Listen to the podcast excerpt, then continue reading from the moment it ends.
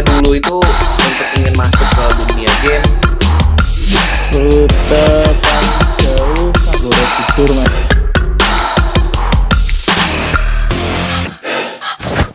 Halo Sobat Popcorn, kembali lagi di podcast kita, Popcorn, Podcast Corona.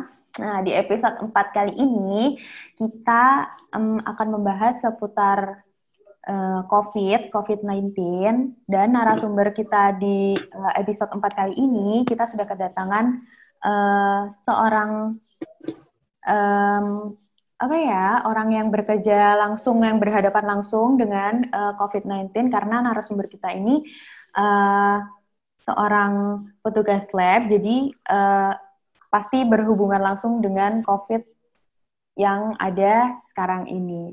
Nah kita sudah tersambung dengan Mas John. Apa kabar Mas? Alhamdulillah baik Mbak. Baik, alhamdulillah. Uh, kita uh, mau nanya-nanya sedikit informasi tentang uh, COVID ini, bisa kan, Mas? Ya, insya Allah. Uh, nanti saya bantu sebisanya dan sepengetahuan dari ya. saya. Oke. Nah, uh, untuk informasi yang pertama nih, gimana sih perkembangan uh, COVID yang ada di Jogja ini, khususnya uh, mungkin Masnya berdomisili di Bantul ya? Iya. Nah, Uh, gimana sih perkembangan COVID sendiri di Bantul?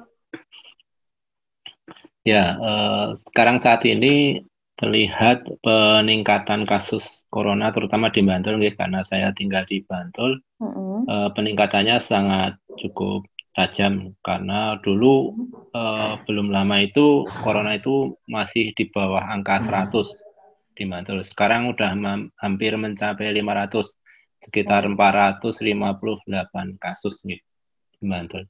Karena mungkin uh, kita juga kurang tahu kenapa ada banyak sekali peningkatan hmm. di Bantul ini sehingga uh, hampir mencapai 500 kasus untuk sampai saat ini. Hmm. Itu kondisi di Bantul seperti itu. Hmm. Hmm. Uh, lalu pasti dalam menjalani tugas itu ada beberapa kendala nih Mas. Nah, lalu apa sih kendala yang terjadi saat uh, uh, menguji sampel, menguji sampel-sampel uh, COVID itu yang terjadi di lapangan? Ada atau tidak?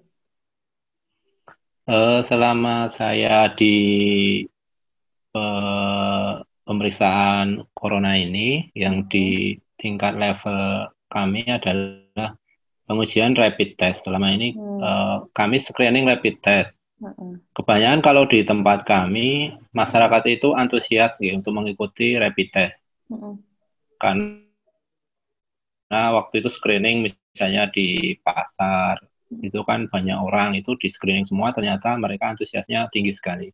Tapi ada beberapa yang tempat itu tidak mau e, melakukan pemeriksaan rapid test karena ketika mereka rapid test itu ketika reaktif mereka hmm. terus dijauhi yeah. kemudian dijauhi yeah. akhirnya uh, akhirnya mereka padahal itu nanti belum tentu mereka positif covid ya mm -hmm. ketika di rapid test itu akhirnya mereka pada ada juga yang beberapa yang ketakutan nah itu biasanya mm. agak kesulitan untuk men-screening mereka mm. yang ketakutan seperti itu sih kendalanya seperti itu mm. kalau nah, dalam pemeriksaannya mm. alhamdulillah uh, nggak ada masalah sih oke okay.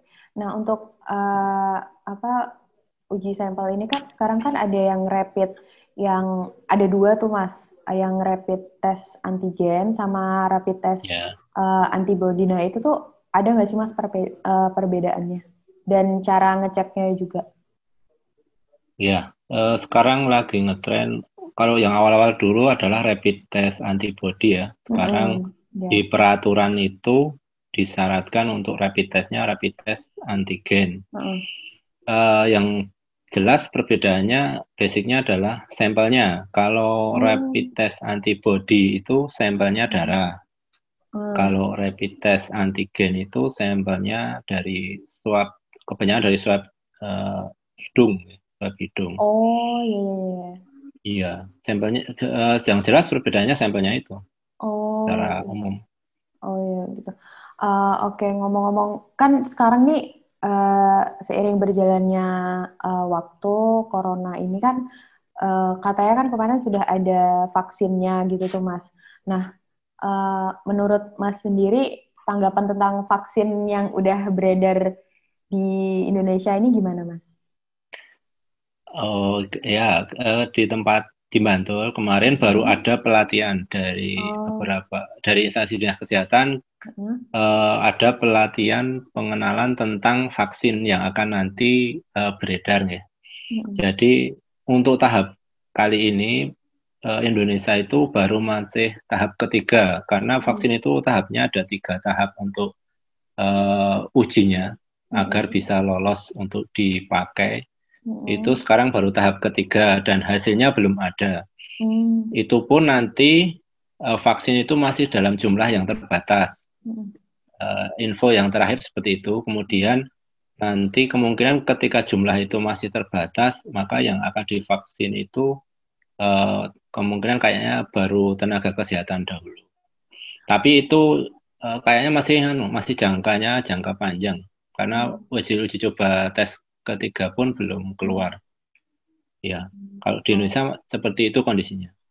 Oh, uh, lalu uh, semakin maraknya COVID ini kan pasti maka akan uh, apa ya merugikan uh, banyak orang gitu juga kan. Uh, terus gimana sih mas ya. cara menghindari uh, COVID ini sendiri dari diri sendiri atau untuk orang lain? Gimana mas kira-kira? Ya, yang yang jelas adalah seperti uh, apa ya anjuran dari pemerintah bahwa kita harus 3M ya, mm-hmm. uh, mengenakan masker, menjaga jarak, kemudian ya untuk pribadi kita adalah uh, menjaga kesehatan untuk yeah. masing-masing pribadi adalah menjaga kondisi dan kesehatan masing-masing. Yeah. Kalau capek ya istirahat, jangan sampai kita kondisinya dipaksakan nanti akan mudah terkena penyakit terutama untuk corona ini. Yang tadi untuk secara umum ya memakai masker, mencuci tangan dan menjaga jarak. Seperti itu sih. Yang jelas itu aja dilakukan ya insya Allah kita bisa mencegah corona. Ya, oke. Okay. Uh, eh, terus menurut uh, pendapat Mas Joni kalau saya boleh tanya, uh, sekarang kan Jogja ini banyak banget kan wisatawan yang udah berdatangan gitu mas. Kalau dulu mah masih yeah. masih awal-awal kan masih uh, apa ya pemerintah Tapi, pun juga uh, uh, pemerintah pun juga kayak banyak banget ininya uh, apa uh, apa sih peraturannya. Nah sekarang sekarang tuh kayak mulai banyak apa ya banyak wisatawan terus pemerintah juga nggak terlalu ketat banget membatasi wisatawan untuk datang ke sini. Nah menurut uh, Mas John sendiri gimana tentang itu? Karena kan bisa yeah. aja kan para wisatawan nih yang bahkan menularkan virus gitu ke orang asli Jogja sendiri gitu. Iya, betul itu. Hmm. Uh, beberapa kasus kan kemarin ketika ada liburan panjang hmm. uh, itu kasus itu meningkat. Iya. Jadi ada korelasinya, ada hubungannya dengan hmm. kedatangan uh, wisatawan itu. Hmm. Terutama kalau di Jogja kan pintu masuk dari Jogja itu banyak. Jadi yeah. kita iya. kan nggak bisa mengontrol uh, kedatangan mereka. Hmm. Ya uh, nanti kita lihat kinerja pemerintah bagaimana mereka hmm. mengontrol wisata yang datang ke Jogja. Karena selama ini akhir-akhir ini pun terlihat sekali banyak sekali yeah. uh, wisatawan yang sudah masuk ke Jogja ya. Iya, apalagi Dan itu memang, di Malioboro itu banyak banget orang berkumpul di ya, situ. Ya, hmm. terlihat sekali dengan plat uh, di luar Jogja yang banyak masuk hmm. ke Jogja itu. Hmm. Iya, itu uh, seperti sekarang kan syaratnya dari pemerintah terutama Jogja sudah harus yeah. mensyaratkan untuk rapid antigen. Yeah. Tapi nggak tahu bagaimana pelaksanaan pengontrolannya yeah. mereka melaksanakan aturan itu. Mm -hmm. Oke, okay. uh, eh, lalu um, ada nggak mas uh, pesan untuk orang-orang yang uh, yang masih menyepelekan corona nih?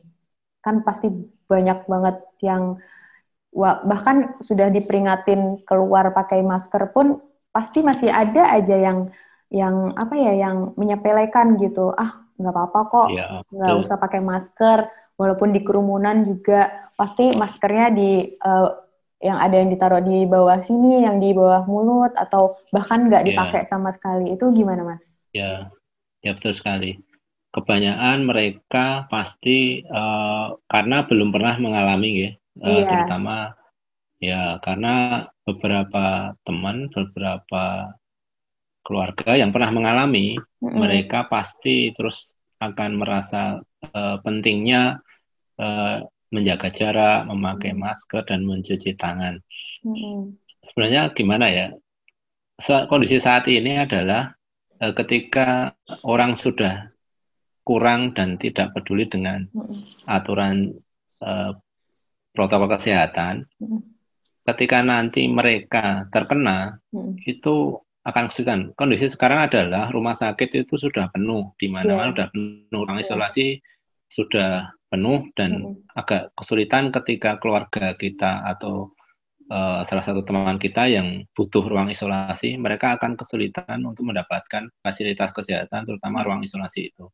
Nah, di saat seperti itu, mereka pasti akan merasakan pentingnya pro- protokol kesehatan itu. Iya. Jadi, ya sebisa mungkin, terutama kalau kami dari ke- eh, tenaga kesehatan, em, eh, kalau bisa ya, kalau kami tetap pakai protokol kesehatan, masyarakat Iya. pun kita tetap himbau untuk seperti itu, tapi ya harusnya pemerintah juga harus lebih giat lagi untuk Mm-mm. eh, apa ya melakukan melaksanakan aturan protokol kesehatan itu sehingga masyarakat itu bisa tetap mematuhi protokol kesehatan sesuai yang dengan anjuran pemerintah. Iya, benar sih. Em, kalau boleh cerita sedikit nih Mas, Eh, dulu tuh keluarga saya pun pernah terkena pernah terkena eh, COVID nih, Eh, tepatnya abang Ya. saya pernah terkena COVID Iya. kan. Nah jadi dia eh, apa dirawat di rumah sakit selama berapa Hmm. minggu, lalu habis itu dia eh, sehat kembali kan.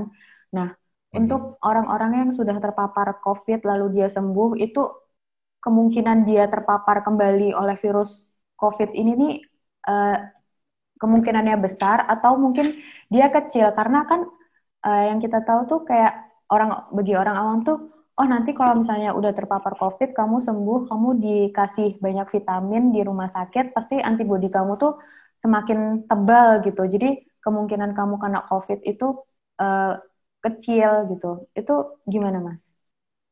Ya, Bener apa enggak? ketika ya ketika kita sudah terkena COVID itu memang Hmm. ada antibodi yang muncul di tubuh kita, nggih. Itu Iya. istilahnya eh, tentaranya yang sudah mengenali corona. Jadi ketika Hmm. nanti ada COVID masuk itu langsung bisa dihancurkan istilahnya.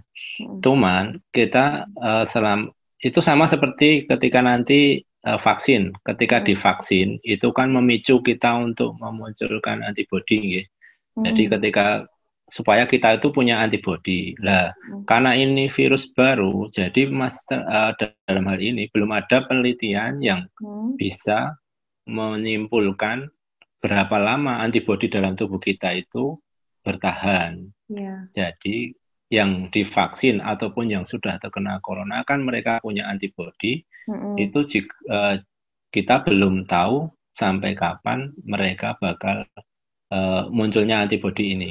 Mm, Itu bisa dilakukan penelitian ketika kita sudah divaksin mm-mm. dan nanti kan muncul antibodi lah itu Iya. nanti kita dicek misalnya enam bulan dicek setahun Iya. dicek lagi masih adakah nggak antibodi itu Oh, itu sih iya. jadi eh, kemungkinan kita masih terkena lagi masih ada Oh, masih masih ada ada. masih bisa terkena corona lagi Oh.